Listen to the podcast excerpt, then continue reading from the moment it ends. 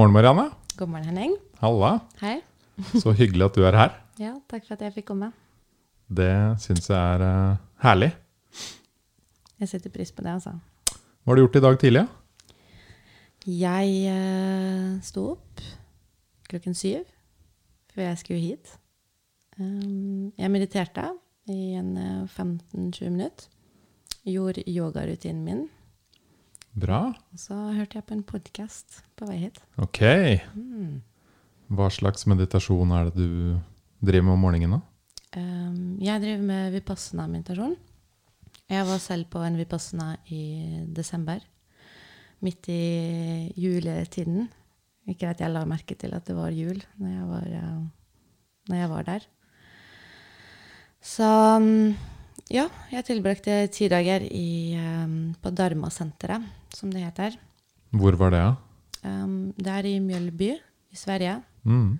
Så det er eh, rundt uh, 200 og noe uh, Dharma-senter i hele verden som, uh, som driver med vipassana-meditasjon. Kan ikke du si kort hva vipassana er, da? Mm, jo. Uh, vipassana er eh, De kaller det for Buddhas meditasjon. Um, det er ti døgn med det noble silence, som det så godt heter. Det betyr da at du har ikke lov til å snakke med noen. Du har ikke lov til å ha øyekontakt med noen. Og du har heller ikke lov til å utøve noen um, tegn til noen andre. Så ingen form for kontakt da, med andre mennesker? Absolutt ingen form for kontakt med andre mennesker. Det blir også praktisert som et em, Det er som et eh, tempel. Så man er fraskilt fra det andre kjønn. Så kvinner bor i et hus, og menn bor i et annet hus. Og, men så har vi det meditasjonsrommet som vi alle møtes på. Um, Kan du liksom ta meg gjennom hvordan det funker når du kommer dit? Ja. Um, man ankommer, blir hentet med en, eh, i en uh, Vipassana-buss, faktisk, fra togstasjonen. Buddhas buss. Buddhas buss. Helt riktig. Med de andre disiplene. Mm. Uh, man kommer dit. Det er et veldig enkelt uh, hjem. Det er ingen bøker der, ingenting på veggene. Så, Så på en måte man- ingen distraksjoner rundt deg, da. det skal absolutt ikke være noen slags eh, type form for stimuli uh, rundt deg. Det er helt riktig. Um, så blir man bedt om å registrere seg. Uh, og igjen, og det her da er tredje gangen man skriver under på et skjema uh, om at man vil dette, og har tenkt å utføre de ti dagene. Mm. Og grunnen til at man gjør det, er jo eh, Det er veldig mange som, som slutter, så det som er vanlig, er jo å gjerne dra andre dag eller sjette dag, fikk vi beskjed om. Um, Kan, vi, eh, kan vi spole enda litt mer tilbake og Ja, eh, forklare meg hvorfor du ville på Vipassana? Jeg har ønsket meg på Vipassana i tre år. Um, hvorfor? Jeg hørte Jeg hadde en venn som dro til Nepal for å være med på Vipassana for en stund tilbake. Uh, og når han sa ti døgn i stillhet alene, der ingen får tak i deg, så var det appellerende. Men det er en tyngde med det. Det å stenge av verden i ti døgn er ganske lenge. Ja, wow. Uh, Det er en veldig lang tid å bruke. Og jeg har også hørt at det, det er mange som har sagt bruker du ferien din på det? At det har vært veldig sånn slående for mange. Det var jo det jeg sa når jeg møtte deg. ja. Jeg bare, ah, jeg vil jeg òg, men ja, det er fem dager. uker ferie! Ja, ikke sant? Det er to av de. Ja, ikke sant? Det er en ganske stor verdi i å dra på Vipassana. Men jeg Mm. tror også at det er noe når man hører om det, eh, og, og, og forstår um, og tyngden av det, og, og kommer inn i den um, mm, inn i den fasen der det ikke lenger er frykt, men fristelse å dra, mm, da, um, da tror jeg at eh, du um, Da tror jeg du, du lett kommer til å ta det valget. Ja, sånn er det jo med det meste. Ja. Det er som å slutte å røyke. Altså, du må ville det. Og når du Mm. først vil det, da klarer man det. I Mm. hvert fall mange. Ja. Man Ja. må ville ting for å få det til. Eh, men ok, du hadde hørt om det fra en kompis, Ja. og så begynte det å friste deg. Og så dro du til Sverige. ja. Så jeg har jo gått på fulltidsskole. Jeg tror det jeg var mest redd for før, er jo at jeg- ikke skulle ha noen slags type form for anker uh, i det å komme tilbake uh, til denne verden da, fra Vipassana. Um, men skolen min har vært uh, anker, fordi jeg måtte være der. Og, Ja. um, så jeg bestemte meg for å søke. Og det som er at det, det er ganske vanskelig å komme seg inn på Vipassana. Eh, Ok, det Det er mange som er vil være med. veldig mange som vil være med. Vipassana meditasjon er også basert på uh, donasjon.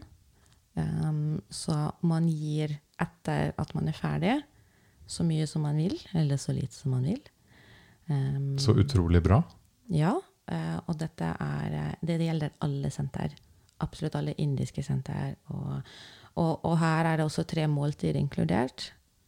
Um, og eh, man får ikke lov til å donere til noen Vipassana-senter om man selv ikke har gått gjennom meditasjon. Alle ti dagene. Alle ti dagene. Så hvis du gir deg etter to, så Får du ikke lov til å donere. Wow. Um, så, så, um, og, og det også gir det en slags eh, kvalitet. Mm. Uh, fordi det handler absolutt ikke om en økonomisk gode. Og så er det også veldig spennende å se at over 200 senter rundt i hele verden fungerer på denne måten. Uten noen problem. Og det funker. Det funker, eh, og Vipassana funker. Kan du fortelle meg videre? Du kom dit, mm. signerte for tredje gang. For tredje gang. eh, Da man- begynner det å bli sånn OK, nå har jeg signert her. ja, Nå Så skal jeg skrur man av telefonen. Bra. Det også um, um, er jo en milepæl. Um, gi fra seg bøkene og notatbøkene og pennene man har med seg. Um, fordi det er heller ikke lov til å skrive, lese, uh, onanere, uh, gjøre yoga. uh, Ingenting, egentlig. Ha ha høy puls. ikke høy puls, ikke noe skriving, Ingenting. ingen runking. Ingenting. Det er ikke lov til å eh, distrahere seg fra å gå i denne dybden som vipassana meditasjonene gir deg. Og så får man to timer til å snakke eh, og bli litt kjent med de man skal dele rom med, eller de man skal eh, være i sal med, før, man da, eh, før de da slår i en gong. Uh, og så starter man allerede første kvelden med en tre timers eh, meditasjon. Forteller de dere da hvordan alt funker? Eller veit man det? Hvordan hele oppsettet funker. Mm. Får du liksom Vi hadde en tavle. Vi hadde en tavle i det ene huset med eh, tider eh, på når og hva. Men, eh, men man vet også fra, eh, på forkant at eh, det er en gang eh, klokken fire som vekker deg. Klokken halv fem så starter da første morgenmeditasjon. Og så har man da faste spisetider. Og så har man noen hviletider. Så jeg tror man har to timer pause i løpet av en dag. Og resten er da meditasjon eller mat. Hva er det man spiser på Eh, det er vegansk. mm. Alt er vegansk. Um, noe av den beste maten jeg har smakt. Ja. Ja, det var som å være på en liten ferie i Nepal eller um, India. Alt fra gryte til uh, grønnsaker til også da donasjonsbasert.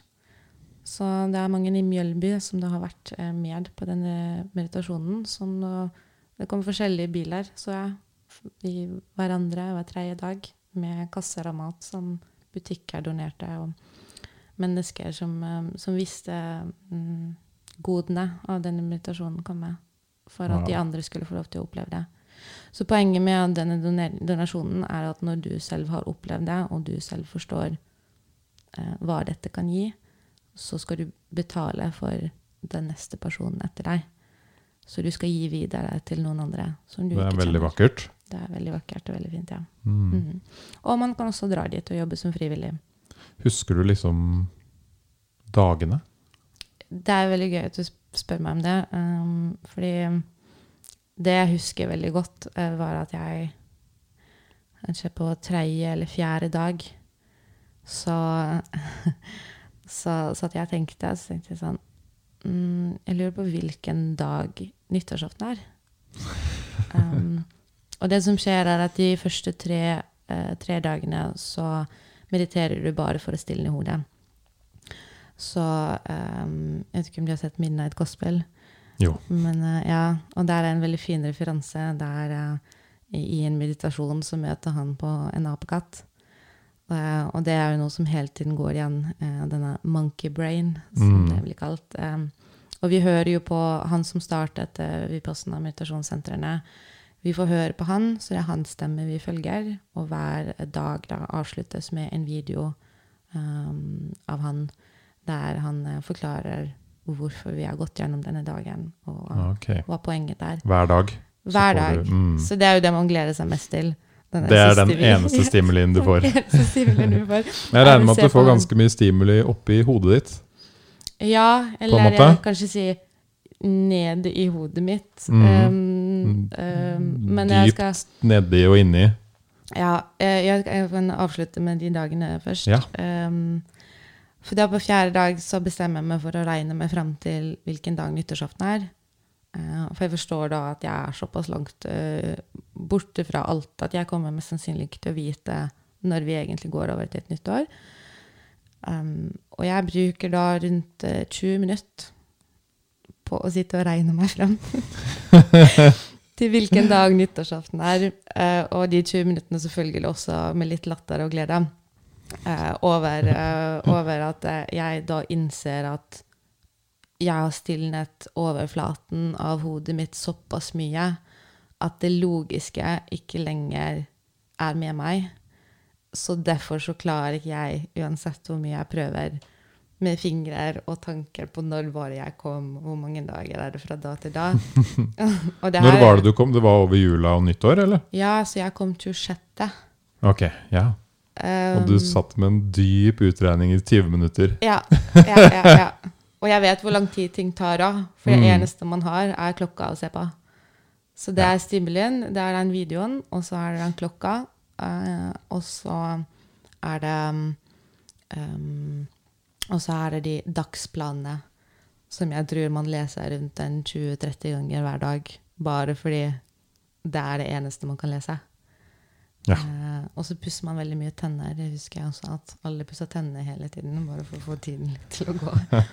Mm, men det som skjer når du ikke har denne stimulien, er at eh, man, man, det er ingen utvei.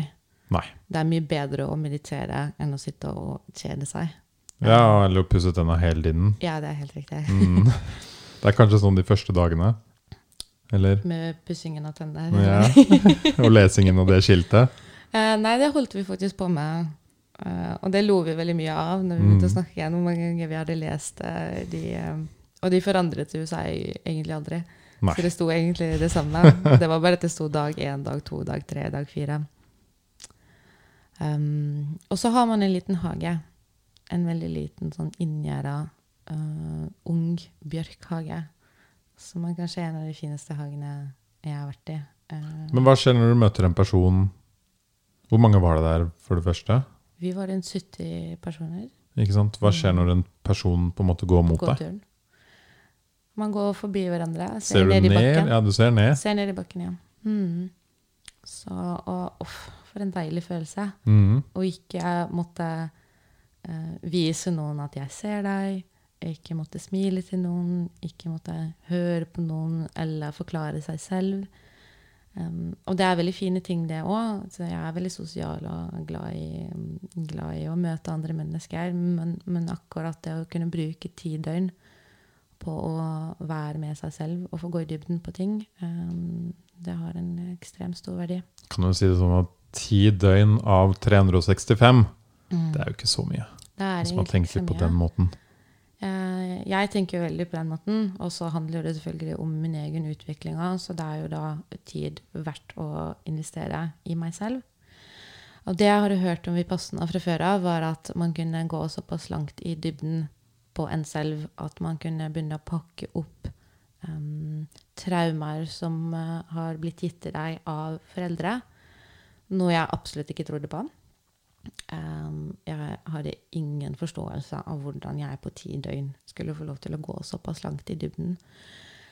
Um, og så innser jeg da etter hvert at hver en eneste time på dette senteret er som å ta et steg ned eh, en trapp som er da eh, ned til underbevisstheten min. Mm. Underbevisstheten min. Ned til bevisstheten min. Ja. Um, og man går lengre og lengre og lengre ned. Så vi var på sånn dag fire når Ja. vi snakka i stad. Hva begynte å skje? Hvordan begynte mediteringen å bli? På dag fire så går man inn i det som da blir kalt for vipassana meditasjon. Okay. Så de første tre døgnene så bruker man eh, tid på bare stillende hodet. Og da forstår jo man eh, hva slags attention span man har, og hvor lat man egentlig er mentalt. Eh, eller det var min tanke. Um, og så da på dag fire så starter man på vipassana meditasjon. Og det, kort fortalt, eh, så handler det om å ikke agere på en eneste følelse man har. Så verken på, um, på å, å crave det gode eller å hate det vonde. Eh, og det starter med at du ignorerer å, å klø deg på nesen, egentlig. Ja, sånne enkle Veldig, veldig enkle. eh, Og så går du over til at du på dag fem ikke får lov til å skifte stilling. Oi. Eh, I da to av timene så har du eh, Du får lov, men du blir bedt om å prøve å la være. Så når du spurte meg om den sittestillingen tidligere, Mm. Eh, og det med knær og sitte um, på den måten uh, i over lengre tid, så er det egentlig en del av vipassana å ikke agere på smerten uh, du får, og altså da klare å ignorere den. Så du kommer inn i en 'jeg er observatør'-rolle. Ja, for det Jeg kan jo sitte i lotus, Mm. men maks liksom åtte minutter. Mm. Ja, men det trodde jeg òg. Ja, og det var vondt. Det var det. Men- så du må gjennom men- smerte også. Mm. Men, men det er det det er det vipassana handler om. Uh, og det er derfor han sier at man får lov til å knyte opp uh, de uh, traumene eller um, Han sier at jo flere ganger vi hele tiden agerer da på en smerte eller en kløe eller en sånn 'Jeg har lyst på is, så derfor skal jeg gå og skaffe meg is'. Um, jo, jo mer legger vi bare på oss. Um, men, men hver gang vi klarer å motstå Fordi den er jo egentlig ikke ekte. Når du føler at du har lyst på is, Mm. så uh, er det jo egentlig bare kroppen din som sier sukker. Og hva betyr det? Det betyr at du egentlig er trøtt. Så det du kan gjøre, er å gå og legge deg og hvile i fem minutter, og så se om du har Ikke sant? Um, så, så det med å hele tiden ikke la deg få absolutt alt, Alt men bare være. Mm. Eh, og det gjelder jo den smerten som du får av å sitte i lotus. Så etter hvert så kommer man inn i det, og da, da, da kommer man ganske langt ned.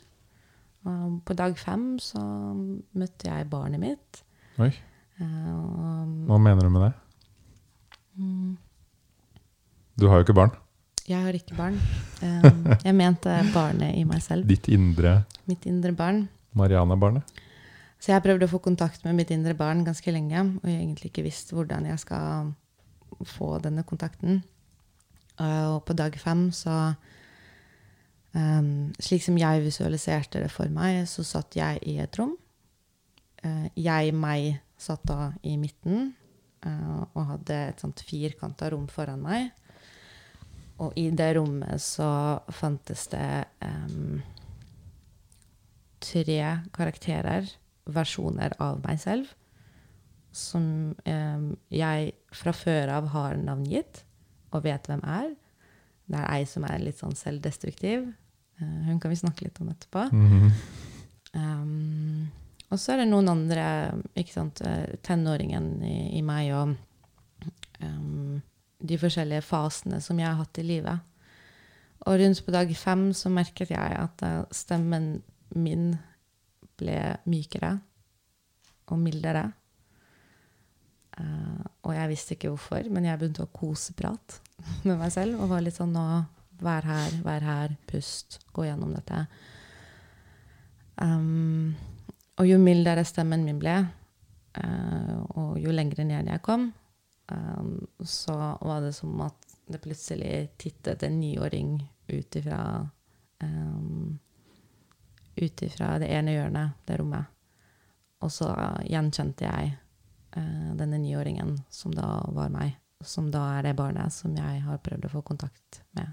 Um, og, og, og um, det var veldig forløsende og fint.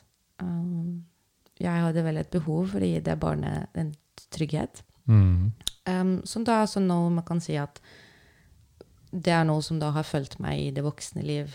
Um, og det er det de mener når de sier at du kan gå såpass langt tilbake at du kan begynne å løsne opp i de traumene. Uh, så handler det rett og slett om det. At du får lov til å gå i dybden. Um, og rundt på dag seks så kom jeg da i, i dybden av spedbarnet, men også da knyttet opp til min mor. Og det er veldig spennende, fordi i etterkant av Vipassana så møtte jeg en venninne og snakket med henne om akkurat det. Og hun nevnte at eh, Japan hadde gjort en studie i over lengre tid der de hadde klart å konkludere med at eh, et barn eh, har ikke et selv før de er 18 måneder. Så det betyr at barnet tror at de fortsatt da er en del av moren Mm. i 18, 18 måneder.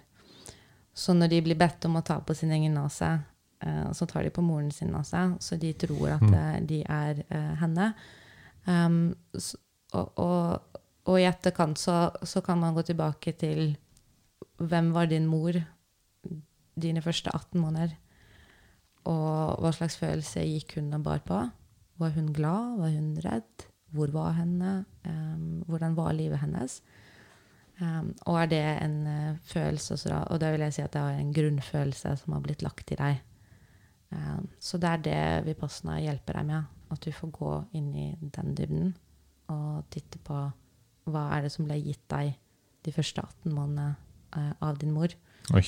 Og er denne frykten um, som du bærer på, uansett hva slags sort den er av, er den din? Eller fikk du den som barn av din mor? Opplevde andre folk det samme? Eller var det liksom din greie? Uh, på forskjellige måter. Mm. Jeg har ikke hørt uh, Jeg gikk ikke i dybden på, med de andre. Jeg snakket med andre venner i etterkant å komme tilbake. Og um, jeg tror at uh, det som er verdt å nevne her, når jeg sier at jeg ventet i tre år um, Og jeg, jeg, det var aldri en impulsiv avgjørelse for meg å dra på Vipassana. Um, så jeg tror at grunnen til at jeg fikk gå så dypt, var fordi jeg hadde forberedt meg og gjort veldig mye forarbeid. Så jeg jobbet med meg selv. Og, Mm. og, Du hadde på en måte et mål, da?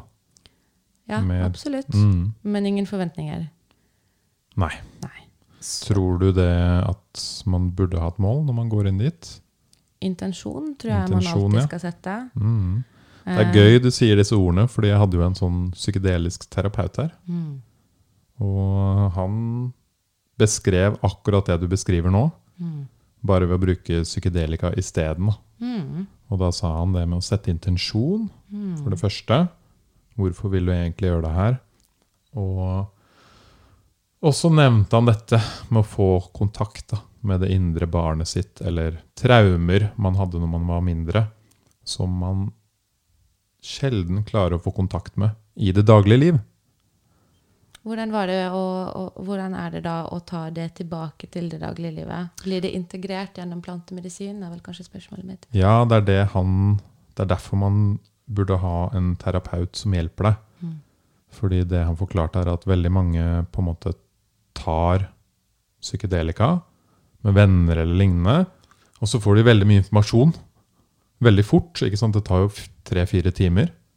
Og så våkner de opp dagen etterpå, og så tenker de hva skjedde? Mm. Det var fantastisk, men hva skal jeg gjøre? Og det er den tredje tingen han hjelper med. da. Det er å på en måte integrere, jobbe med det. Hvordan kan du bruke verktøy for å jobbe med all den informasjonen du fikk i går?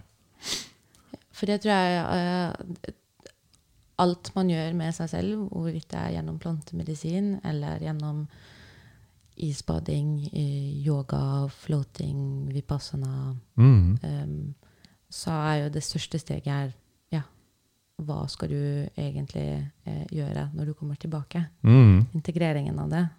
Før vi kommer dit, så Ja. sa du at du på en måte du følte nesten at du var høy hele tiden. Hva mente du med det? Når jeg kom tilbake Når du kom tilbake? Ja. ja, så etter, Under Vipassanaen så, jeg- så hadde jeg ikke en opplevelse av høy. Jeg hadde en opplevelse av å for første gang i mitt liv være eh, så våken og til stede som jeg noen gang har. Jeg, jeg møtte meg selv. Mm. Og når jeg sier alle de karakterene som var i rommet med meg, det var vel kanskje det som jeg endelig fikk lov til å gjøre. Jeg fikk lov til å skille de bort ifra hvem jeg var. Og så fikk jeg møtt meg. ja. Og Så deilig. Ja. Og så ble jeg kjempeforelsket. I deg selv. Eh, ja. Åh, for en jeg, eh, jeg lo, og jeg elsket meg selv så høyt. Eh, men det gjorde jeg også før jeg dro, så det er jo det med å sette intensjon. Det er én Mm. ting. Men jeg gjorde også en veldig sånn avtale med meg selv, og veldig glad for at jeg gjorde det. Jeg skulle ikke dømme meg selv. Um, og jeg er veldig heldig med det. Jeg bruker latter som medisin, så jeg lo ekstremt mye av meg selv. Um, og for meg selv. Så, um, så, så det skjedde. Jeg møtte meg, ble veldig forelsket, lo, hugget meg, og så kom jeg hjem. Um, og jeg dro på morning beat. Ja. Og da møtte jeg deg. Ja, da møtte vi jo Jeg mener å huske det. Mm. Da gløda du bra. Ja, da var jeg et annet sted. Ti dager på Vipassana Ja, og rett på morning beat. ja. Vi burde kanskje si, du burde kanskje si hva morning beat er først. ja jeg kan gjøre det. Jeg kan forklare hvordan jeg kom inn i morning beat, for jeg var slik alle opplever morning beat. Så det er, eh, klokken er 6.30 på morgenen. Eh, og jeg kom uh, flytende inn på Kulturhuset. um, og Kulturhuset er på dette tidspunktet da er rundt 30 morgengjester. Så vi, eh, vi er veldig heldige på Morning Meet. Eh, Vi får fulgt opp dansegulvet eh, kjapt, og det er eh, ganske høy elektronisk teknodreven eh, musikk. Mm. Mye glitter og mye glede. Mye kaffe. Mm. Um, så morning Det er da et, et morgenrave. Um, Rusfritt morgenrave. et rusfritt uh, morgenrave som er for alle. Opplever du det? At det er for alle? Det er for alle. Ehm, absolutt. Og på en måte det Så fort man har kommet inn døra der, Mm. og den er lukket bak deg, så tror jeg man føler at eh, Ok, jeg må slå meg litt løs. Okay. Jeg må bevege meg litt. Mm. For du blir tatt inn i en sånn energi som er helt unik. Hvor det ikke er noen som dømmer deg. Det er ikke en gjeng med liksom fem karer i hjørnet der som sitter og drikker og ser på deg, og tre-fire jenter der og noen gutter som sitter og drikker og ser på deg. Det er liksom Alle står og danser. Barn og voksne. Mm. Og det er rusfritt. Og om det er for alle, det er Jeg veit ikke. Jeg håper det er for alle. Ja. Uh, men man må jo helt klart uh, få bort en del av de tankene man har om dans, og det å være voksen og kunne leke, slippe seg løs, slippe seg fri. At det er greit. Jeg tror at um, nå skapte vi Morning Beat um, Ja, vi skapte Morning Beat for alle, men vi har da også i etterkant forstått at valget av Vi velger jo eh, Vi er veldig um, kresne med artistene våre. Så vi vil at de skal være teknisk gode, og Ja. eh, at de skal levere um, slik at alle får en glede ut av det. Um, men jeg opplever da morgenen Beat eh, i etterkant som det rusfrie morgen teknofylte dansearrangementet det er. um, som en slags um, bro. Um, og det er derfor jeg tror at det kan passe for alle. Selv om ikke Hva er det en bro til? det er en bro til å tenke litt annerledes. Mm. Um, og det har vært veldig viktig for oss å, å lage et arrangement som, som ikke har for mange regler eller retninger um, for at du skal være på noen slags mulig måte. Du skal få lov til å komme inn dit akkurat slik som du er. Uh, og hvis du ikke har lyst til å danse, så kan du drikke kaffe og bare nyte av å se på eller snakke med noen. Um, det skal være en trygg arena Ja. eh, der alle skal føle seg velkommen. Og broen handler vel om at det er så annerledes. Ja.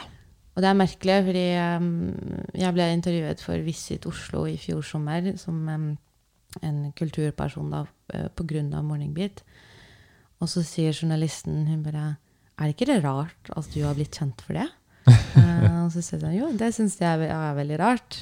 Um, fordi for meg så er det så naturlig å, å være på et dansegulv og høre på denne musikken. Um, og det, det var så naturlige valg som førte meg til å starte Morning Beat. Um, og så sa hun ja, men tror du at du hadde blitt kjent hvis du hadde startet Morning Beat i Brasil, f.eks.? Og så sa jeg sånn nei, det tror jeg ikke. Tror du ikke det? Det tror jeg absolutt ikke. Fordi der danser de vel hele tiden. Det gjør de. Så det er jo snakk om å introdusere noe som er annerledes for nordmannen og den kulturen som vi har her. Og om det er dans som er annerledes i dette tilfellet, eller om det er musikken, eller om det er å gå med bærekraftig glitter i ansiktet, eller å gjøre noe som er så sosialt og utadvendt og engasjerende um, så tidlig på morgenen. Um, 6.30. 6.30, det er riktig. Så Morning Beat starter 6.30, avsluttes klokken 9, og kommer da med en yogatime fra 9 til 10. Det er herlig. Som, det er annenhver tirsdag. Mm. Ja. Så man kan uh, komme 6.30 og gå kvart på åtte, så man starter åtte. Man kan gå kvart på ni hvis man gjør det. Og hvis man vil være med litt lenger og få seg en yogaøkt, så kan man også det. Det er full frihet til å gjøre akkurat som man vil. Mm. Uh, men må, jeg ønsker at alle føler seg trygg og ivaretatt. Um, og bortsett fra det så er frihet et av eh, stikkordene um, vi opererer under. Har du snakka med noen som på en måte ikke har vært i rave-kultur og liker å danse og sånn, som har vært på morning beat og bare wow? Ja. Jeg syns det er um, Vi har jo holdt på i tre år, så uh, jeg ser jo også utviklingen vår. Det, og det startet jo med nære venner. Um, og har utviklet seg til det punktet der jeg sitter på siden og følger med og tenker å, jeg kjenner ingen i rommet. Um, men rommet er fullt, og vi er utsolgt. Så um, det har jo utviklet seg i den retningen. Um, og så var det noen som sa til meg for en stund tilbake at det er ganske interessant det som foregår nå uh, rundt oss, uh, og den utviklingen vi har i, i form for bevissthet. Hvordan de nå sier at den rusfrie øh, morgendansen eller sterrikdans eller kakaodans eller hva enn som foregår i Oslo om dagen, eh, at de kaller det for noe nytt. Og så sier hun men vi har jo dansa sånn som det her ganske lenge. Ja. Um, det er bare at vi først nå åpner døren for, i mangel på et bedre ord, mainstream. Mm. Um, Eller for alle, da. for alle, ja. Mm. Mm. Det er jo veldig fin ting å gjøre. Og på en måte ikke holde det med sin lille gjeng, men dele det vakre man skaper. Mm. Hva er det som skjer med folk når de kommer og danser så tidlig om morgenen? Ja, hva skjer med de da? Ja. Eh, jeg tror de føler at en form for um, Jeg tror de føler en form for um, et, et fellesskap. Mm. At de er en del av noe.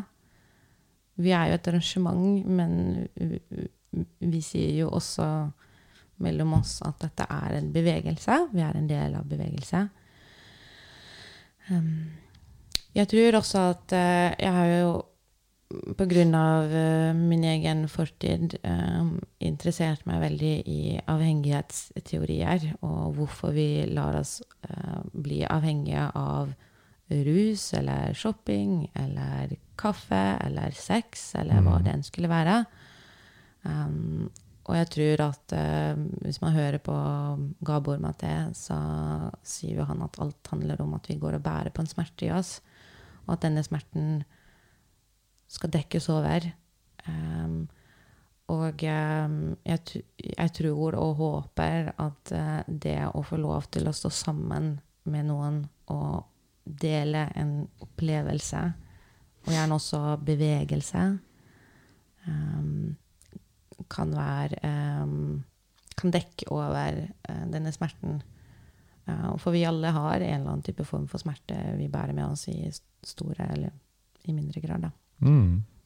Men du er jo en del av eh, arrangementbransjen, du òg. Absolutt. Hvordan er det um, Først så har jeg lyst til å bare, sånn at folk skjønner Morning Beat, mm. forklare hvordan jeg opplevde det første gang, Ja. så skjønner folk litt greia. Mm. Jeg husker jeg ble invitert, og så bare hadde noen venner sagt du må komme og sjekke ut det her. Jeg arrangerer jo, som du sa, også uh, raves, fester, men på kvelden. Og så hørte jeg Hæ? Um, 6.30 om morgenen? Det tror jeg ikke jeg orker. Og de bare jo, jo, jo. Ta nå en morgen og liksom ofre deg litt. Prøv. Mm. Ja, greit, jeg skal gjøre det. Og så tror jeg det var Kan ha vært på ja, det gamle Skippergata 22, tror jeg. Når de hadde åpent. Og så tenkte jeg ok, jeg drar dit, og så er det sikkert noe folk der. Og så ikke sant, tenker man at man skal sitte og se litt på det og, og undersøke det litt. Og være litt sånn litt skeptisk, kanskje. Stå litt i hjørnet. snike seg inn i hjørnet. Og så kommer jeg dit, og det første, for det første så møter jeg jo dere som liksom lyser opp. Og bare ei, ei, Og gir de største klemmene ikke sant, til alle som kommer inn. Og får litt glitter kasta i trynet. Og jeg tenker ok, kult. Men lite jeg er åpen. Tok du imot det glitteret? For jeg husker et par ganger at jeg har sagt 'nå skal vi glitre deg', og du bare 'nei, jeg skal på jobb'. Noen ganger så har det vært uh, litt vanskelig, men første gang gjorde jeg det. Ok, ok. Ja, Så jeg har gjort, jeg har gjort det sånn annenhver gang. Okay. Glitra meg selv. ok. Men så fantastisk inngang, for det første. Noe jeg tror er veldig viktig på raves. At man får en god, god inngang og en god start. Det er liksom det omvendte av å være i Berlin, hvor du møter han strenge, tatoverte karen som liksom Du er dust. Kom deg bort. Det er Bergheim du refererer til her. Er mange steder i Mm. Berlin. Mm. Det er liksom den omvendte taktikken. Du skal være redd og Mm. litt lei deg, og du, og du er en liten pingle. Mm. og så kan du komme inn. og så hos, oss, hos dere er det omvendt. Og så husker jeg Jeg hadde de tankene i hodet. ikke sant, Ok, nå skal jeg gå inn og titte litt. Men så gikk jeg inn og så inn i rommet, og det var som å se liksom prime time rave klokka halv to-to på en stappfull klubb midt på natta med dritkul musikk, bare om morgenen. Mm. Og det tok to minutter før jeg dansa selv. Mm. Jeg er veldig glad for at du forklarer det på den måten. Ja. For, for det kan jo ikke eh, jeg gjøre. Ikke sant? Eh, takk for det. Ja, det er viktig å på en måte Folk må prøve å forstå hvordan man føler, seg, føler det når man kommer inn. Ja. Og sånn var det. Og da var det folk som sto i alt mulig fra bikini til badeshorts til liksom eh, dress. Til eh, skjorte og kjole og liksom Her var det alt mulig folk. Ja. Men alle var på samme energinivå da, og slapp seg løs. Jeg husker uh, i et VG-intervju så, uh, så sto det et, et sitat uh, der det sto Her kan du finne alt fra studenter til blå skjorte til hippien du møtte i Goa. Og alle danser. Den Mac-en her bråker veldig i dag. Sånn. Jeg skrudde av lyden på den, jeg. Nå ødela jeg kåten din, da. Si det en gang til. Eh, her finner man alt fra studenter til blå skjorter til eh, hippien med dreads man møtte i India eller i Goa en gang. Det er akkurat det. Det er akkurat det man mm, opplever. Men alle slipper seg løs og fri. Helt Og det er jo en rusfri samling. Du har ikke noe lyst til å våkne klokka 6.00 til alarmen og gå og begynne å drikke øl. Um, nei. Um, Håper jeg, i hvert fall. uh, og det er mange som har spurt oss hvorfor i alle dager uh, er vi nødt til å starte så tidlig. Mm. Men um, det handler jo akkurat om det. Det handler jo om em, å ikke ha tid til å tenke seg om. Du skal ikke Du skal stå opp, Ja. og så skal du ta på deg tightsen eller skjorta eller eh, hva enn du føler deg komfortabel i, og så skal du bare gå. For det var det jeg også husker. At måte, det er så tidlig at hjernen din rekker ikke helt å skjønne hva som skjer, før du står midt inne på dansegulvet. Du er, hjernen er ikke aktivert ennå så tidlig om morgenen. Og du er litt sånn morgenrusa, egentlig. Litt sånn morgengroggy, og så bare Oi, shit, nå må jeg få på dansen her. Nå er det god stemning. Og Og så kommer man jo på jobb etterpå og har sånn altså, Folk bare hvor, 'Hvor faen har du vært i dag, Henning?' altså, du har glitter i trynet, og du lyser opp. Eh, og det er jo det fineste. De fineste komplimentene jeg noen gang har fått. Mm. Eh, og da også uten glitter. Til og med når man eh, ikke ser at man har vært på morning beat, så lyser det av deg. Ja. Eh, og, og, og, og det er hele opplevelsen, men det gjør jo også noe med kroppen din å få lov til i fellesskap med alle disse andre menneskene som du ellers da ikke ville ha møtt.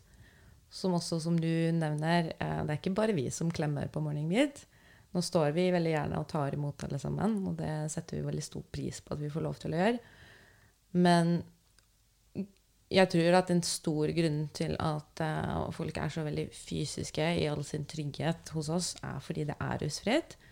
Så man blir ikke usikker um, eller ubehaga av uh, alkoholen som ellers da kan fylle en nattklubb. Um, så, så alle er fysiske, så du får fylt opp på uh, det sosiale. Eh, du får utløst endorfinene dine, så det er jo også en type form for treningsøkt. Kjærlighetshormoner da, her, eh, for de som ikke er klar over det.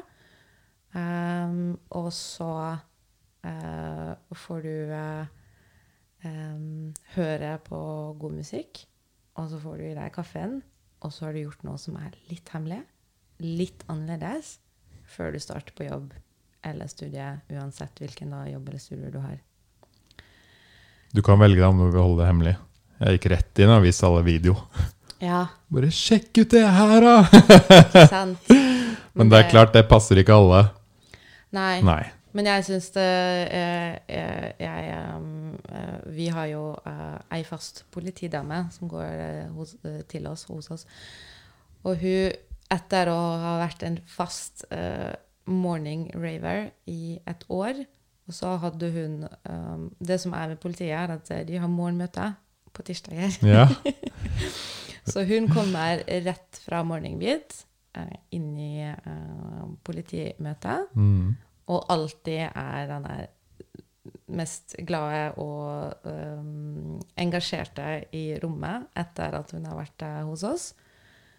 Og hun har da klart for politiet får dekt trening. Aha. Så hun uh, fikk oss uh, Og det var en grunn til at vi Og hun bare 'Jeg vil ikke ha sats, jeg vil ha morning beats'. Helt riktig. Så vi hadde sånn klippekort en Ja. periode. Og de klippekorta ble laget uh, litt på grunn av henne og til henne. Um, fordi da fikk hun politiet da, til å kjøpe et klippekort til henne. For hun ville heller ha det enn ja, Så bra. på Sats. Alle er velkomne. Og til og med barn. Vi har veldig mange barn. Mm. Og det er også en mulighet for uh, foreldre å få lov til å ta med barn på fest. Det er jo veldig fint, og gjør det jo enklere for mange foreldre å kunne dra. Ja. Og så er det noe med at uh, av en eller annen grunn så er fest uh, og rave spesifikt, og den type musikk som vi spiller, et tabu. eller en litt sånn En ikke så godt uh, tatt imot sjanger Uh, som gjerne da følger med rus og noe mørkt og noe, noe man ikke skal snakke om. Um, så det å få lov til å introdusere det for barn også, og også få lov til å ta dem med på noe som de kaller for rave. Og så er det ikke sant, du, Istedenfor at du, du skal gå ut og feste og skaffe deg en barnevakt, så det blir noe som er avskilt fra barnet ditt, så får du lov til å gjøre dette som en aktivitet med ditt barn. Og det har vi også fått veldig mange gode tilbakemeldinger på fra foreldre som setter stor pris på den tiden de får. Og i tillegg så tror jeg også at man vekker det du snakka om i stad. Sitt indre barn litt mer Ja, når man danser med andre barn. ja. Det er helt sant. Mm. Fordi jeg så rundt meg og bare Wow, masse små, nydelige barn. Mm. Og da får du liksom det lille ekstra smilet, da. Og den lille ekstra er bare sånn ah, dette er dritkult. Ja. Nå står jeg og danser med advokater og barn og hippier og hele, altså hele pakka. Ja. Mødre og fedre og Ja. single og kjærester og Ja.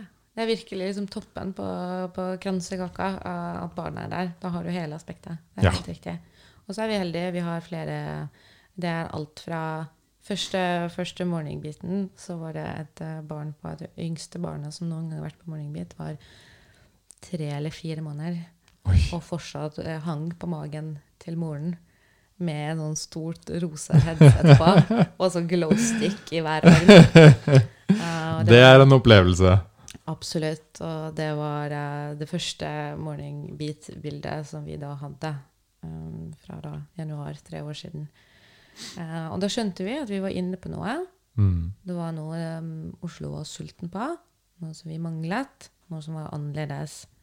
Um, mm. Du driver med morgenrave, og jeg driver med nattrave. Ja. Men vi har jo fellestrekk i ravene våre. Ja, Ja. ikke sant? Mm. Vi prøver jo å samle mennesker. Ja. Og få dem til å slippe seg løs.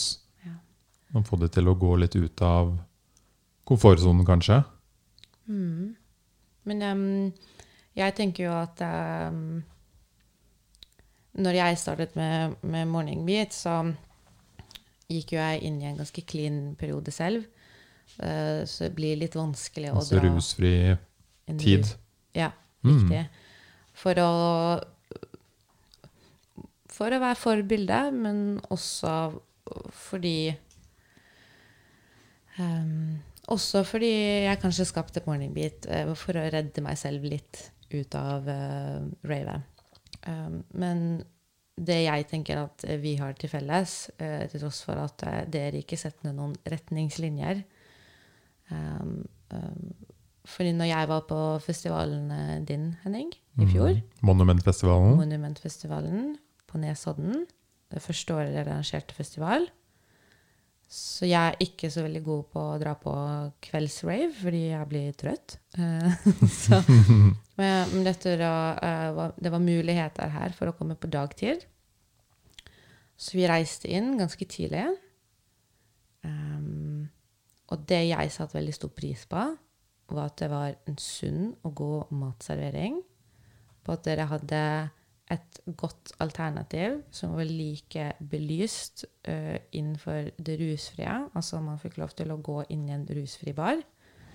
Um, som, som var like liten eller like stor ved siden av den alkoholfrie baren. Og slik som jeg holdt følge, så jeg så at det sto like mange i hver kø Det gjorde det faktisk. som jeg satte veldig stor pris på. Men det dere gjorde, som var helt magisk eh, fra mitt syn, er eh, anlegget og kvaliteten på artistene dere booket inn.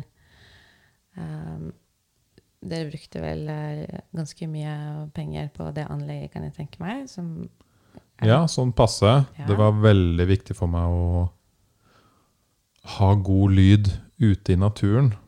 et veldig, veldig riktig valg. Mm. Det var første gang jeg var på en fest og ikke følte for at jeg måtte eh, oppsøke en annen type form for rus. Det var veldig overraskende og veldig behagelig og ga meg også mye personlig glede.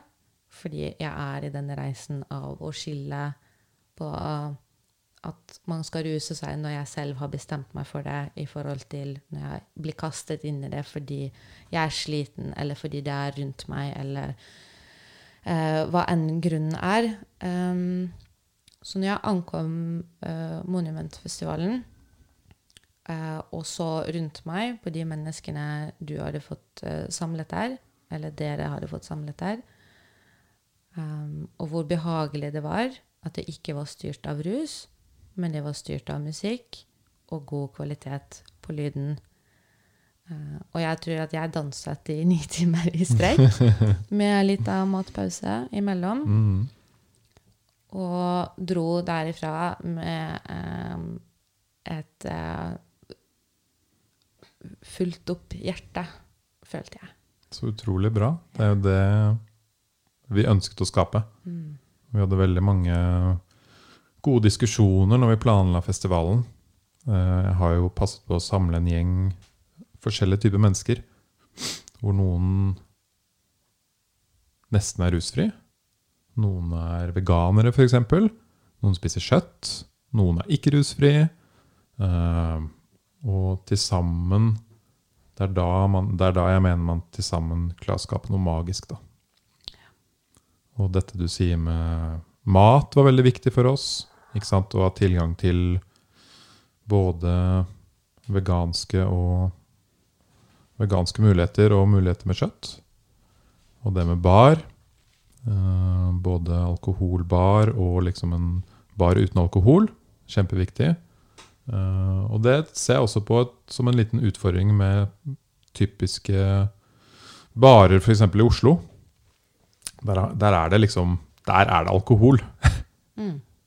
Og det, det, er jo litt av utfordringen med å prøve å skape en, en, kultur hvor det er greit å ikke ruse seg så mye. Og du kan drikke en juice eller en smoothie eller en alkoholfri øl eller et eller annet sånt. Du må liksom ikke drikke hver, hver gang du går på rave. Men klubbene er bygd sånn. Ja. ja. Men um, hvordan er du Fordi dere har arrangement på Blå. Det stemmer. Er de gode på å ha alkoholfrie alternativ i baren der? De har nok eh, mye alkoholfrie mm, varer i baren, men det er ikke synlig, ikke sant? Mm. Det er alkohol som er synlig. Og det er nok det som står på de fleste av skiltene over som du ser på. Det er liksom drinkene, ølen, vinen. That's it. Og så er det liksom ikke den siste plakaten som skulle stått der, som er sånn Her er våre alkoholfrie alternativer. Som ikke er Coca-Cola. Som ikke er Coca-Cola. For det har vært veldig viktig for meg uh, når vi har arrangert morgenbit uh, på steder som ikke nødvendigvis er kafé, slik som Kulturhuset eller Skippergata bar. Uh, vi har jo bl.a. vært på The Villa Dancing, som da er vel det største og i hvert fall det eldste Eh, danseklubben i Oslo. Ja. Og når jeg kom inn dit for å lage min første avtale for Morning Beat, jeg har jo jobbet litt med de før, så var en av de samtalene vi tok opp, var det med alkoholfri drikke i baren deres. Uh, og jeg uh, var ganske sta på at han måtte ha det tilbudet.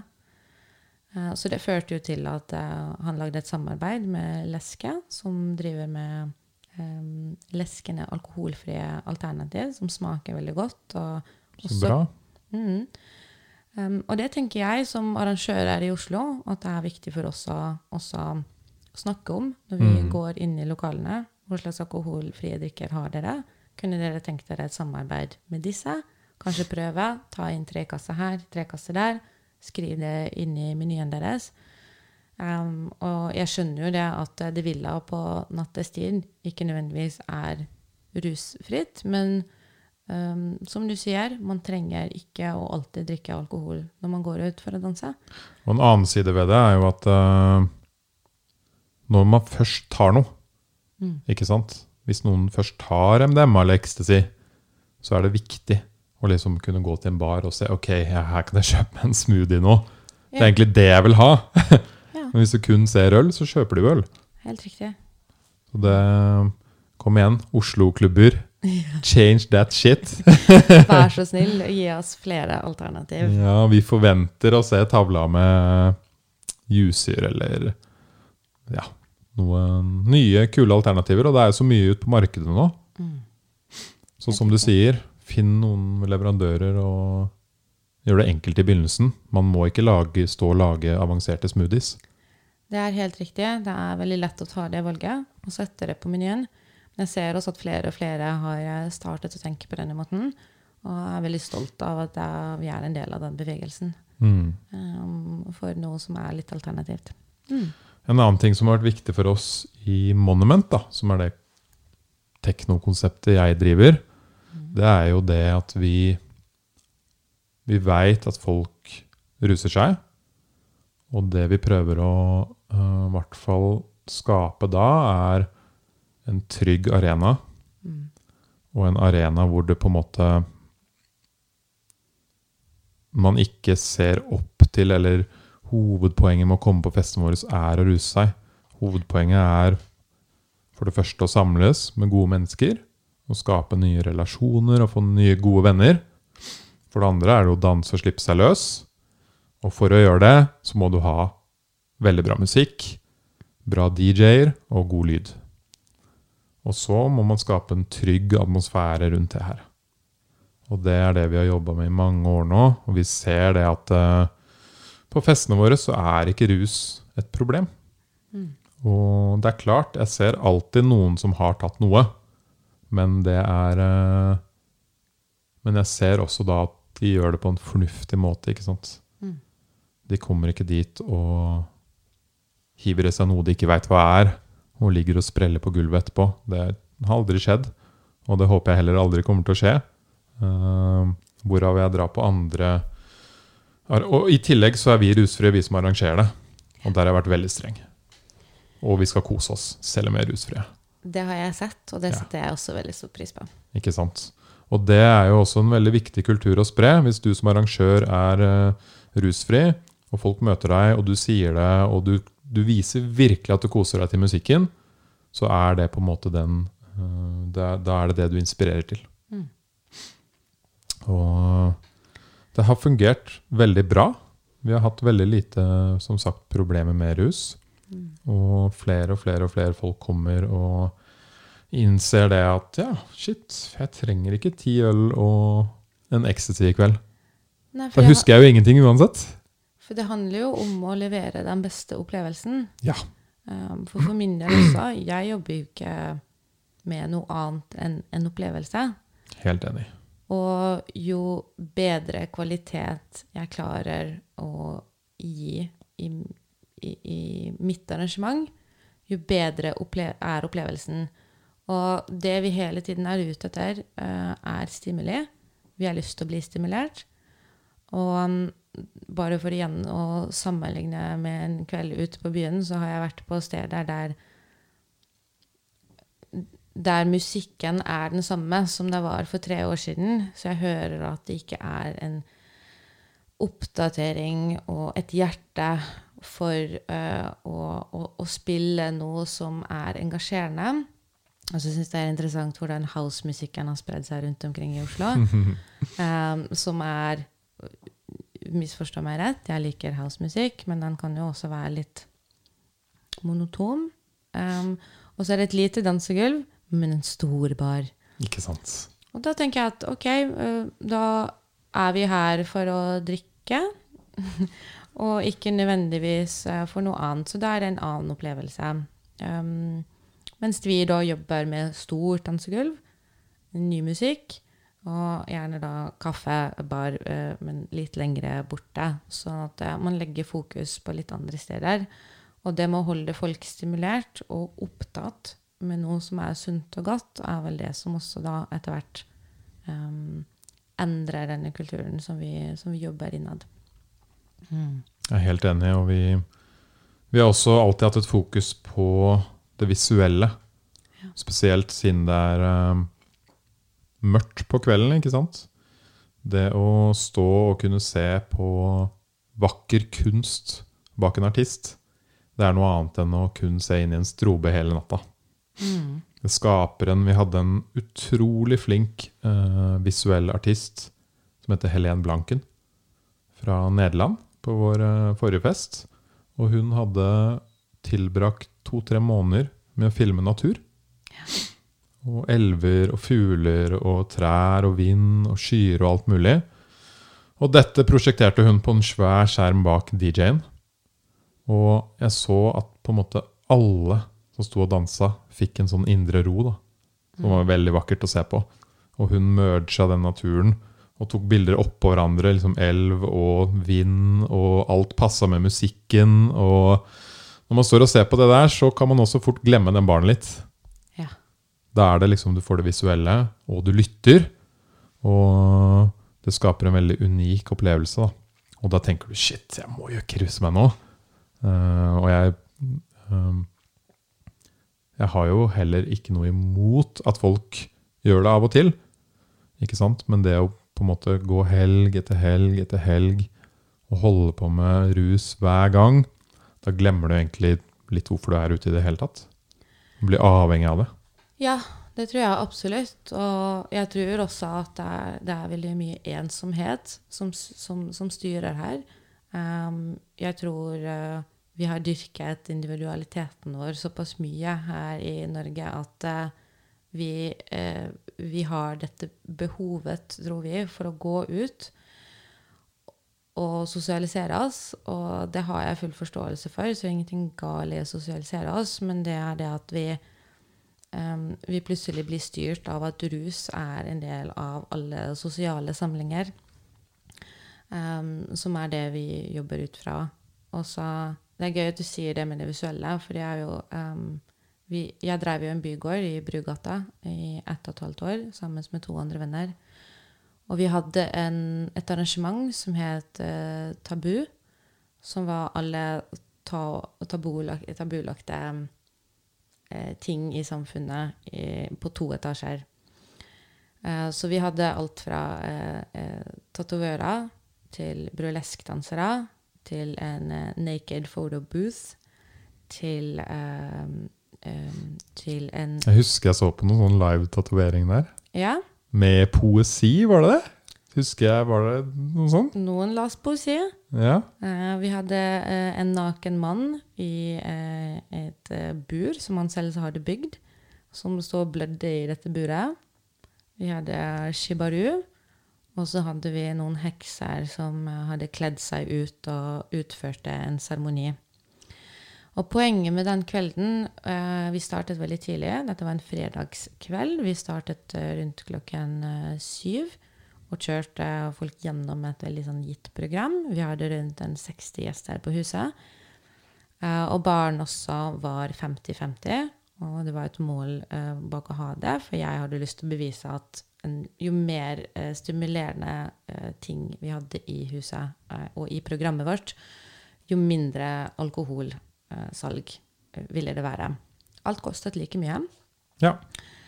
så det også var et poeng. At jeg skulle det skal være like godt og like, um, like stor økonomisk vinning for oss også som arrangører. Sånn at det ikke skal være noe tap her. det er på en måte bra tips ja. til barnet. Altså Hvis du betaler 75 for en øl, mm. så kan du også kanskje betale 75 for en god juice eller et eller annet sånt.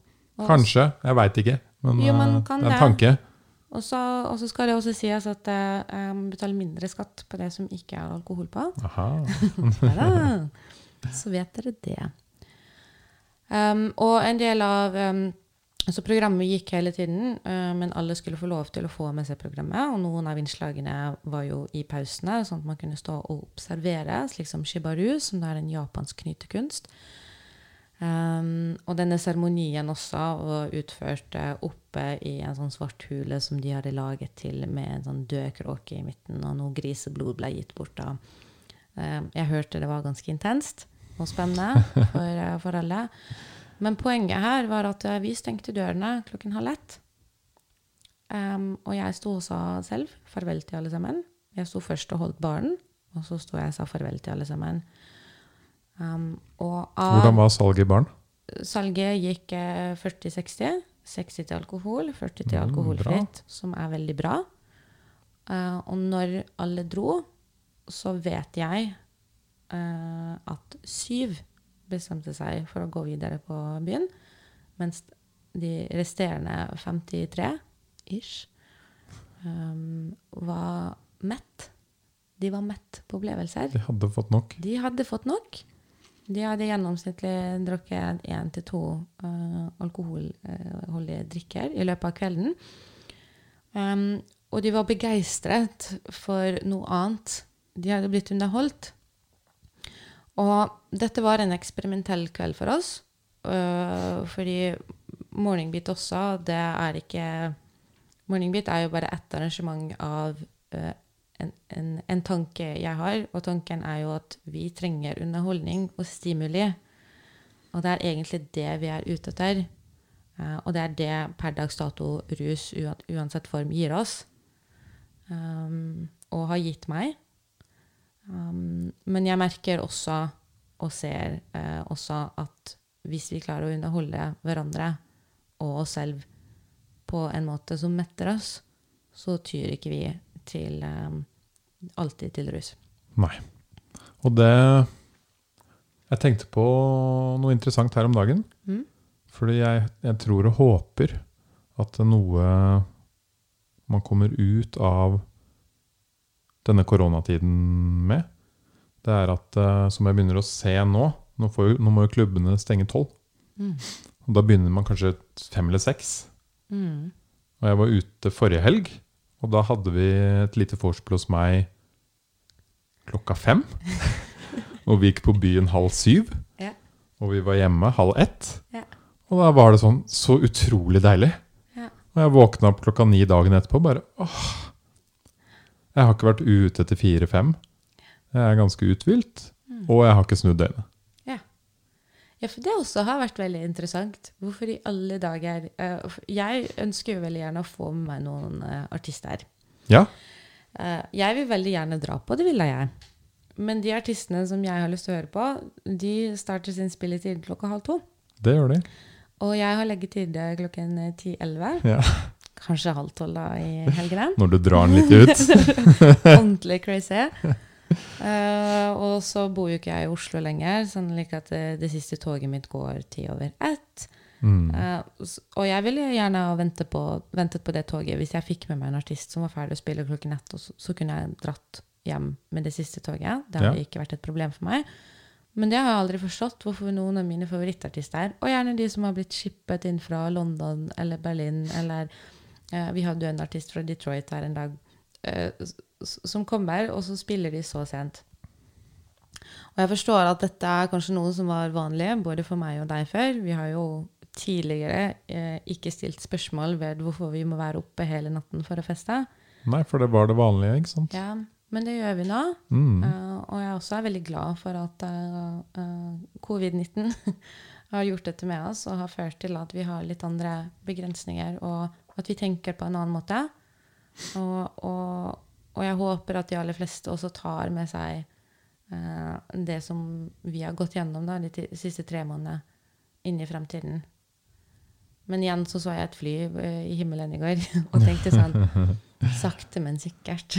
ja, det er noe med at folk fort havner tilbake til der de var, da. Ja. Men det er jo også da vår jobb som arrangør å kanskje prøve å, selv om det er vanskelig, holde på litt. ikke sant? Pushe inn nye vaner hos folk. Mm. Si at det kommer igjen. da. Kom klokka seks. Ja. Bli med. ja. Vi må være mentorer og ledere Mm. for, uh, for uh, tribene våre. I tillegg, når de stengte da halv tolv, så gikk alle hjem. Jeg tror to av Vi var kanskje ti. Dro på nachspiel. Alene. Nei. jeg veit ikke hvor. Uh, og, og jeg hørte det endte med bråk. Ja. Så det Da lærte dere det. Ja. Det var leksa. Mens vi tusla hjem og la oss og lagde litt mat og drakk vann. Og bare åh, for en deilig kveld. Mm, mm. Så la oss håpe det åpner seg litt mer muligheter for det. Ja. Man blir jo vanvittig sliten av å liksom møtes åtte, drikke i tre-fire timer Mm. og gå på byen halv ett-ett. Men det har jeg lagt merke til, at jeg, jeg må jo være på alle morning beats, eh, Ja. rett og slett. Der må du jo også stå opp ganske tidlig, tenker jeg. Det er jo omvendt skalaen, men Absolutt. øh, og i begynnelsen så har jeg vært ganske trøtt, men øh, jeg, jeg får det jeg trenger. For jeg vil jo sosialisere meg, og Ja. så vil jeg danse. Og så vil jeg møte på alle de menneskene som jeg ellers da ikke har mulighet til å se i løpet av en ellers hektisk dag. Eh, så jo mer jeg går på morning beat, når helgen kommer, så har jeg allerede dekket den siden av mine behov uh, Ja. på en tirsdag. Så det er jo veldig god investering av tid, mm, uh, vil jeg si. Og sikkert alle skal slutte å gå ut og tilbringe helgene sine med pusle-puslespill, som jeg i all hemmelighet gjør. men eh, men um, alt handler vel egentlig eh, så å si om balanse. Og om å prøve ut og utforske og gi seg selv den muligheten til å bryte litt ut av, eh, av vanlige mønster. Eh, det tror jeg. Og det er vel der vi liksom står ganske sterkt. En annen ting som eh, egentlig begge våre fester, håper jeg, jeg vet i hvert fall din, Mm. og forhåpentligvis min legger opp til, er jo at det ikke på en måte er det derre jaktmarkedet. Ja. Skal, Ja, ja. hva føler du? Du er jo jente, jeg er gutt, det er litt annerledes. ja. Uh, rett og slett kvinne. Kvinne og mann. Kvinne og mann. Um, ja. Eh, Du går ikke på morning beat og liksom løper rundt og klår på alle jentene, da, føler jeg. Det er ikke helt Jeg tror vi, vi er eh, Slik som eh, covid-19 har forandret eh, tiden vår, så forandret også metoo tiden vår ja. veldig. Um, og uh, du har helt rett. Morning Beat er ikke en plattform for å klå på noen. Samtidig som at jeg tenk, opplever festen vår som en veldig erotisk arena. Det gjør jeg òg. Den er veldig sånn Det skjer noe med kroppen og hjertet, og man blir varm og på, på en annen måte enn når man er på fylla og tenker 'nå må jeg, ha, nå må jeg få meg et ligg'. Ja. Og jeg syns at eh, Jeg syns eh, selv personlig det er Det er veldig viktig å praktisere sex eh, uten rus. Jeg syns at det, er noe vi glemmer å lære ungdommen og barna våre. Eh, eh, spesielt kanskje da her i Norge med russetid, og vi har ikke helt Vi har ganske mange overgreps- og voldtektssaker, dessverre. Og det med å skape denne trygge arenaen. Og jeg syns også det er veldig spennende hvordan dette har skjedd, fordi vi har aldri gått ut og markedsført oss eller sagt noe om det. Vi prøver å ikke ta noen politiske standpunkt eller eh, vise fram til noen verdier, til tross for at eh, både jeg og uh, min partner i Morning Beat, Øyunn, uh, har de. Uh, så er ikke det det vi går ut og sier, men, men vi viser ved eksempel. Det er Og- det samme med oss. Ja, Mm. Og det som skjer på Morning Beat, er at um, vi har for det første flere kvinner uh, på arrangementene våre, og som følger av. Dette kan jo vi se um, gjennom kanalene våre. Og eh, de tiltrekker jo seg også menn. Så jeg vil si at det absolutt er en arena for å treffe noen. Og jeg har hørt veldig mange fine kjærlighetshistorier fra Morning Beat som, eh, som jeg er veldig heldig for å få lov til å ta med meg videre i konseptet mitt. Og jeg tror at det handler om at man tror på den personen man møter.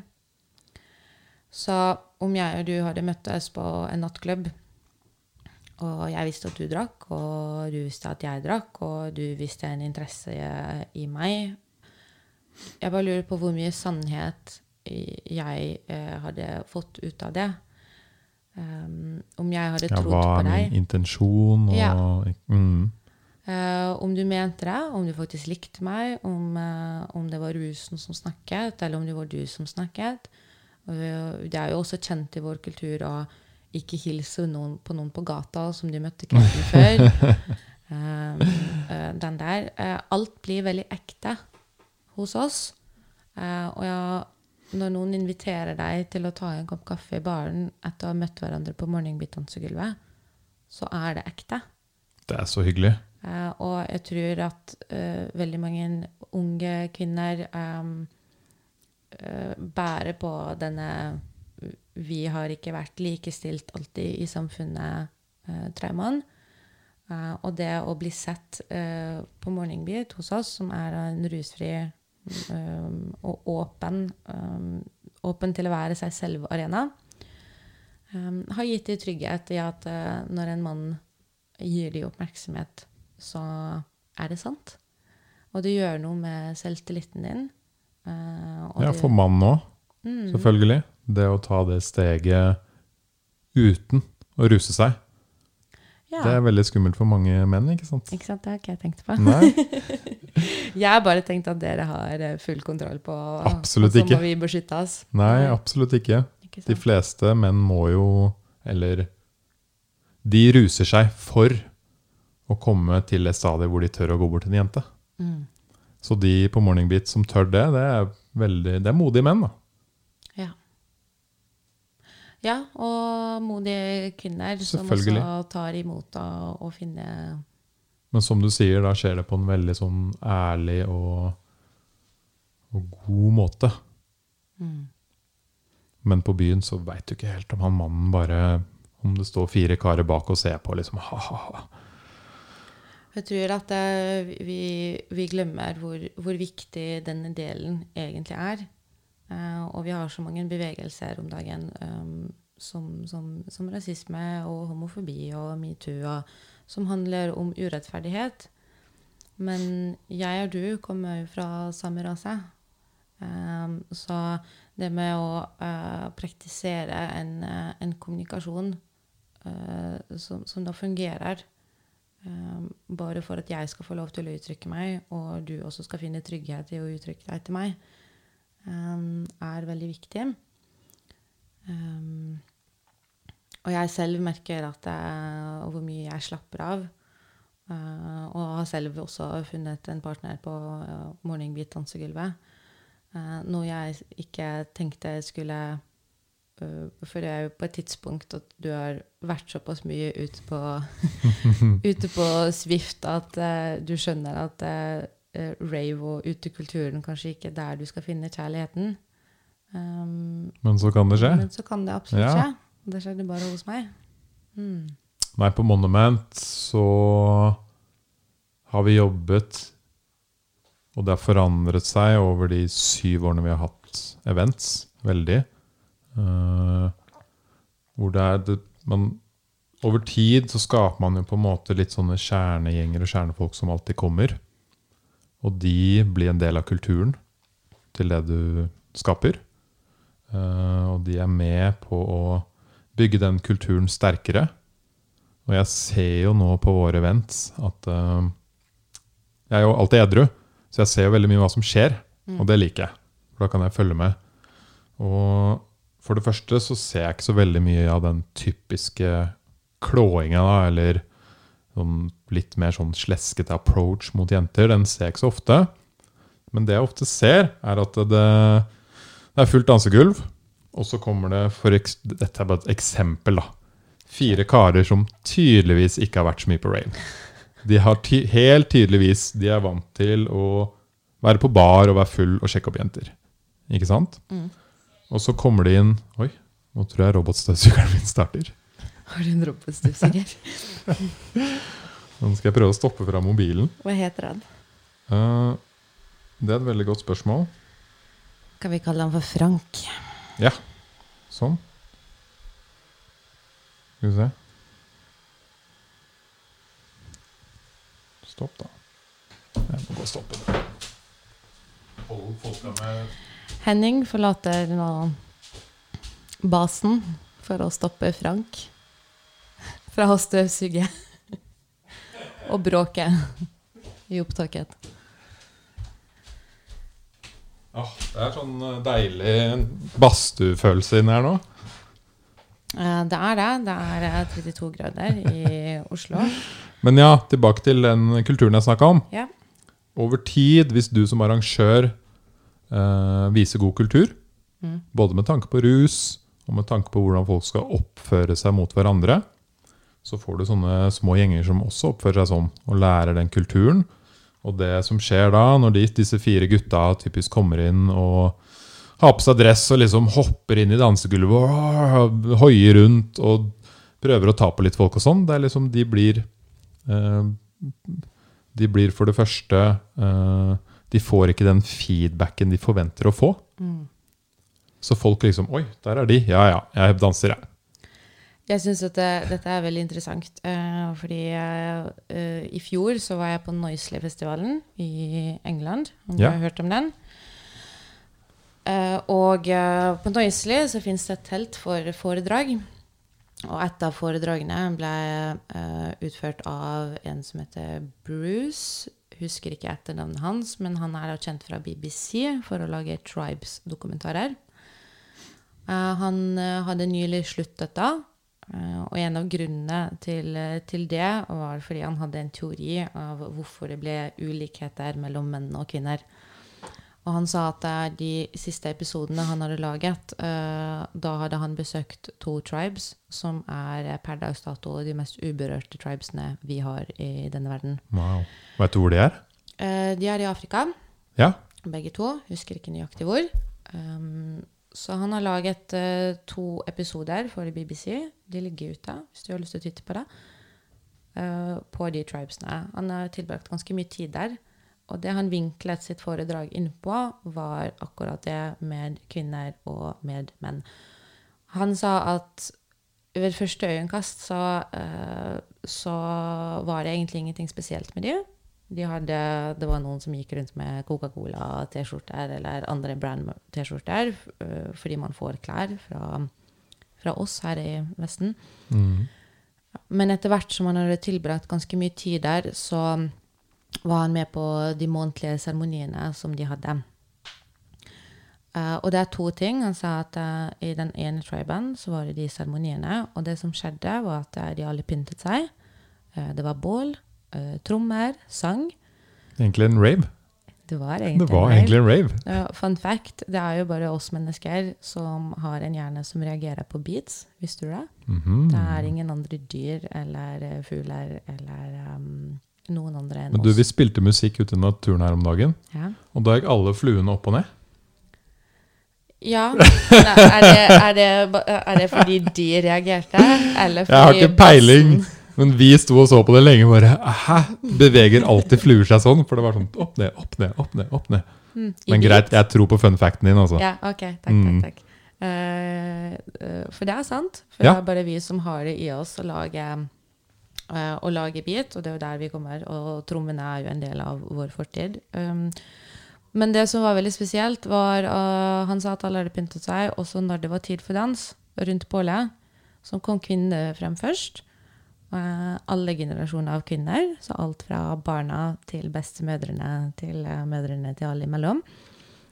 Og de danset. Og de danset på en eh, sensuell og flørtete måte, eller det som jeg nå har lyst til å kalle for femini, feminin.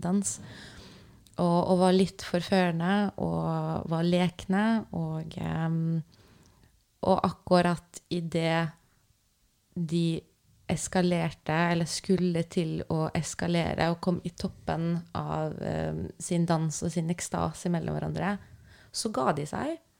Og så gikk de av scenen, Ja. og så ga de plass til mannen. Og så gjorde mennene akkurat det samme. Besteforeldrene, barna og alt imellom kom frem.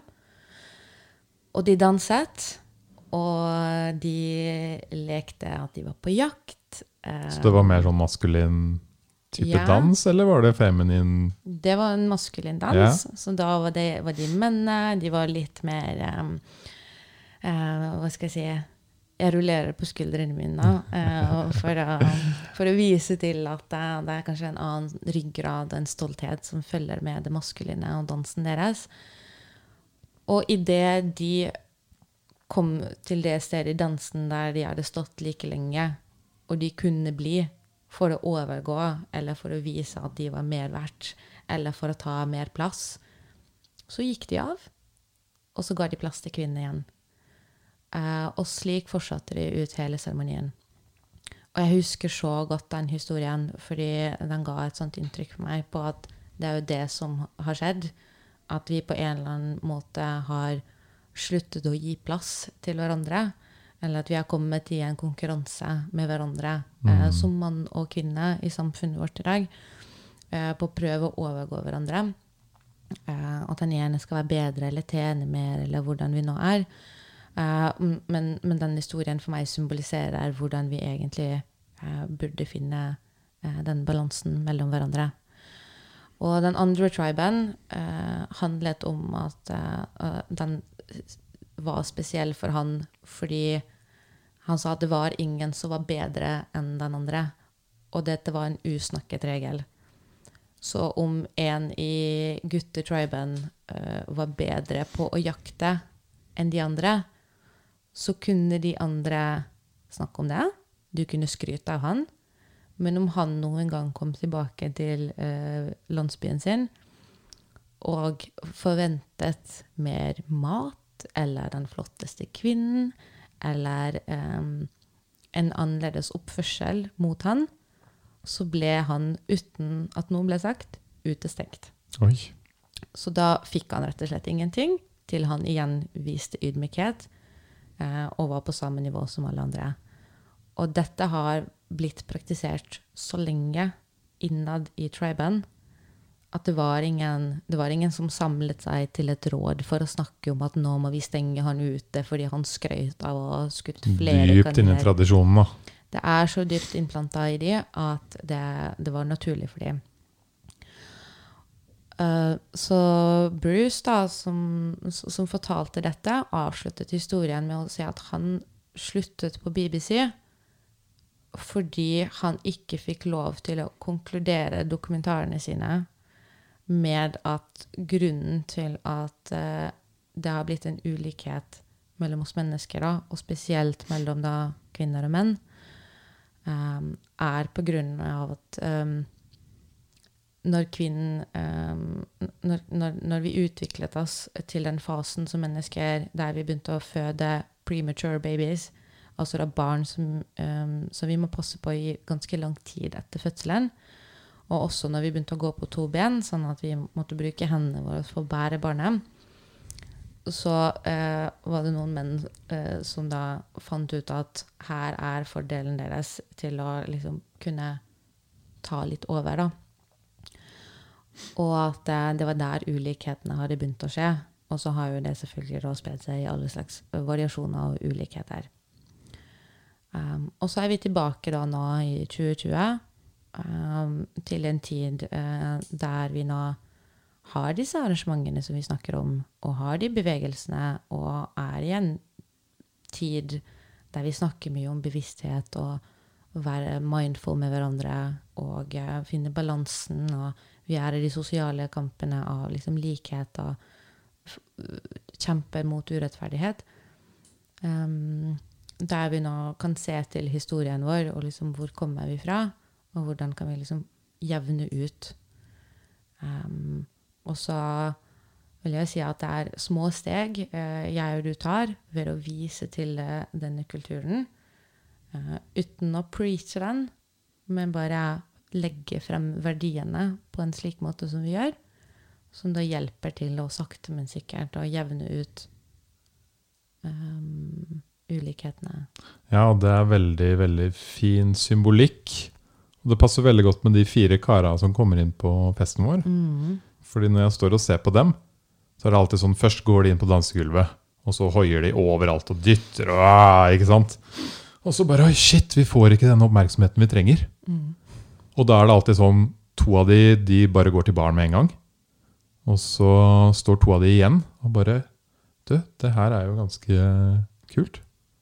Ok, vi prøver å danse litt, ikke sant? Vi, vi prøver. Og så ser de alltid veldig mye rundt seg i begynnelsen. Det er først fokus, ikke sant? Hva er det alle rundt, rundt meg syns om meg nå? For det er noe mennesker bryr seg mye om. Mm. Og så bare sånn Nei, nei, folk bryr seg jo ikke så mye om meg akkurat nå. De, de liksom ser på meg og smiler, men, men de bryr seg veldig mye om musikken. Og så danse og være fri. Ok, shit, kanskje jeg skal prøve det selv. Og så prøver de. Ikke sant?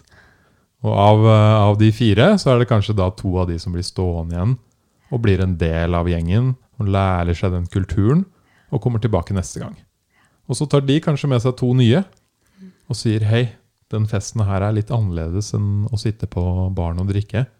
Bli med og sjekk det ut. Ta med dama si, ikke sant?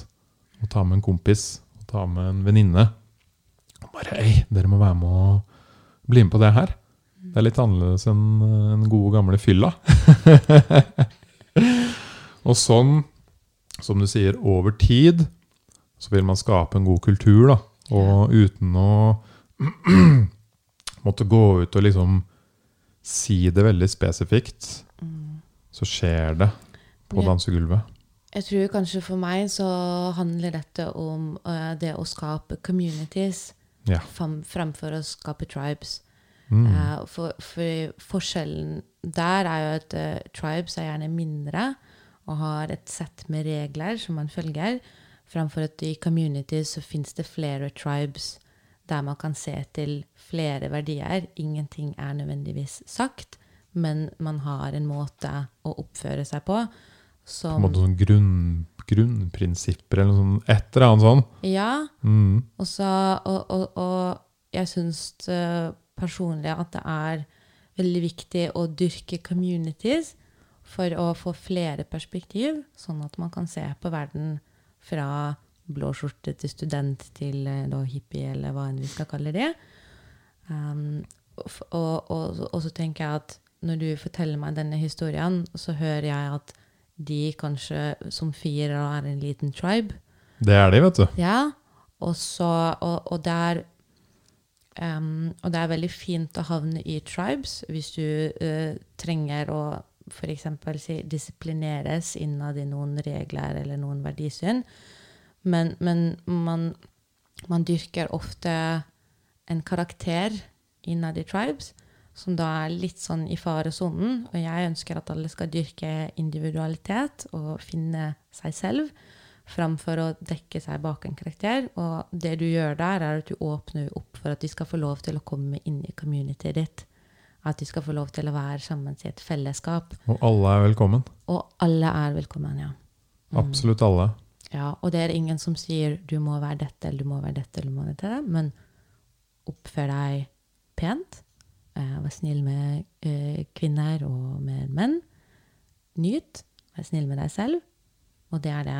Og bortsett fra det så er du et fritt menneske. Og du skal få lov til å velge selv, ikke sant. Mm. Mm. Jeg syns det var en fin måte å avslutte dagens podkast på. Mm. Tusen Takk, takk for en veldig fin prat. Takk selv. Og hvis folk vil sjekke ut Morningbeat, hvordan finner de dere? Vi finnes på Facebook og på Instagram under Morningbeat Positive Impact, som vi da kaller oss selv for. Vi har også en eh, nettside som heter morningbeat.org, tror jeg. Um, Så hvis man søker på det, så finner man dere. man finner det ganske lett. Og vi har et eh, ganske fullt høstprogram som ble satt opp i går. Så vi starter faktisk allerede 28. juli. Så kom og sjekk det ut. Wow, så bra. Mm. Vi har også fest 28. juli, så da kan man dra på Morningbeat først, og så kan man komme til skogen etterpå. Ja, er det øh, på en tirsdag? Tirsdag er vår dag, Henning. Så bare skjønte det. Ok, det er ikke 28. juli. Jeg er ikke, jeg er ikke, jeg er ikke verdens beste med disse datoene. 31. juli er det vi er. Ok. så bra. Nesten Men samme. hvis du kommer på Morningbeat, så kommer jeg på Monumentet. Greit. Og så kommer alle de som lytter også. Jeg håper det. Og da får de en Ok, jeg vet ikke helt om det er lov å gi klem, men de får i hvert fall en, en god vibe av oss. Dette er kanskje ikke så populært å si, men øh, jeg har syntes at det har vært veldig vanskelig å ikke være fysisk. Det er veldig vanskelig. Så man får klemme meg, Ja, hvis man vil få klem, hvis man vil. så får man klem. Det er kanskje det beste du kan selv velge. Uh, ja. Mm. Frihet det kommer først. Ok, tusen takk for i dag, og sjekk gjerne ut Morningbeat. Og jeg håper du har lyst til å komme tilbake en annen gang. Ja. Veldig, veldig gjerne. Det har vært veldig hyggelig. Tusen takk, Henning. Yes. Ha en nydelig dag, da. Du òg. Ha det bra. Ha det.